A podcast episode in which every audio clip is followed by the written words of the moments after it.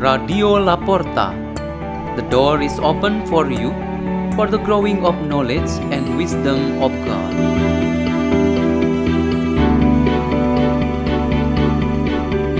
delivered by Jen Jacqueline and Bobby Michael from St. Peter School in Jakarta, Indonesia.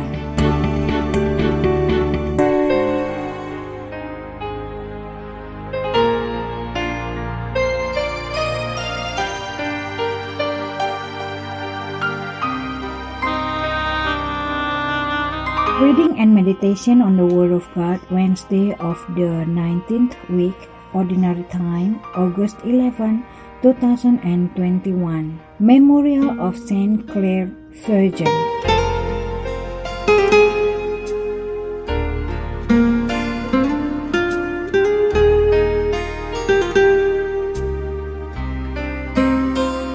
The reading is taken from the Holy Gospel according to Matthew, chapter 18, verses 15 to 20. Jesus said to his disciples, If your brother sins against you, go and tell him his fault between you and him alone. If he listens to you, you have won over your brother. If he doesn't listen, take one or two others along with you so that every fact may be established on the testimony of two or three witnesses. If he refuses to listen to them, tell the church. If he refuses to listen even to the church, then treat him as you would a Gentile or a tax collector. Amen, I say to you. Whatever you bind on earth shall be bound in heaven, and whatever you loose on earth shall be loosed in heaven. Again, Amen, I say to you.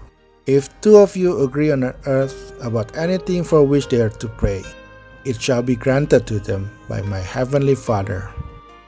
For where two or three are gathered together in my name, there am I in the midst of them. The Gospel of the Lord.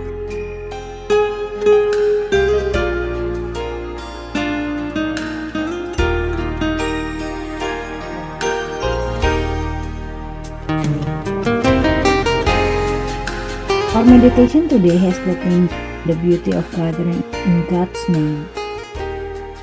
We always come together for different purposes and contexts. Our Lord Jesus pleases such kind of gatherings and He surely blesses us. Furthermore, He says that if two or three are gathered together in His name, He will certainly be present with them. Gathering in the name of God is, of course, different from other kinds of gathering, such as gossiping, conspiring, joking, playing cards together, and many others.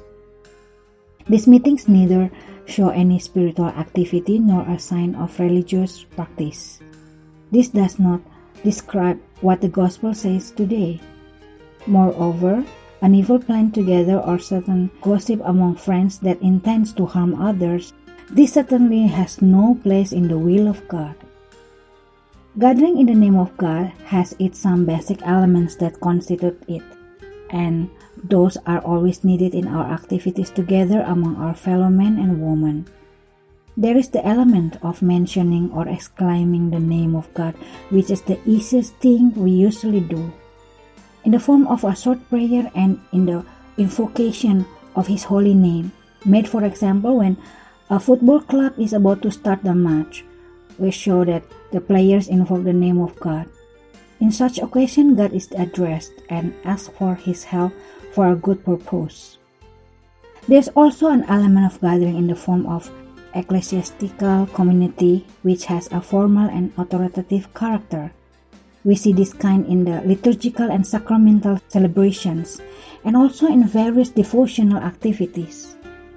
The Lord acts with His power through the sacraments, or He is invoked to be present and to be blessed many activities. One of the important aspects that signifies the character of formal and authoritative gathering is the presiding priest who represents Christ Himself. The priest's role is to bring people to God and to bring God to His people. And there is another element of gathering in the form of love that manifests how God acts and is involved the work of love carried out by the church and his people. When people gather to plan a program to empower poor families, when parishioners work together in the program of vaccination to the people of the local community, they create an occasion encounter that brings the name of God. Santa Clare, a nun who developed a life of dedications to Jesus Christ, really had practiced all these forms of encounter with God. In essence, God is present. When we as believers gather together and invoke Him to bless us, enable us, and to accompany us as well. Let's pray. In the name of the Father, and of the Son, and of the Holy Spirit. Amen. Our Lord Jesus Christ, live with us every moment of life, especially when when in our togetherness we carry out your will, where you are present and join in our activities. Hail Mary, full of grace, the Lord is with thee. Blessed art thou among women, and blessed is the fruit of thy womb, Jesus. Holy Mary, Mother of God, pray for us sinners now and at the hour of our death. Amen. In the name of the Father, and of the Son, and of the Holy Spirit. Amen. Radio La Porta. The door is open for you.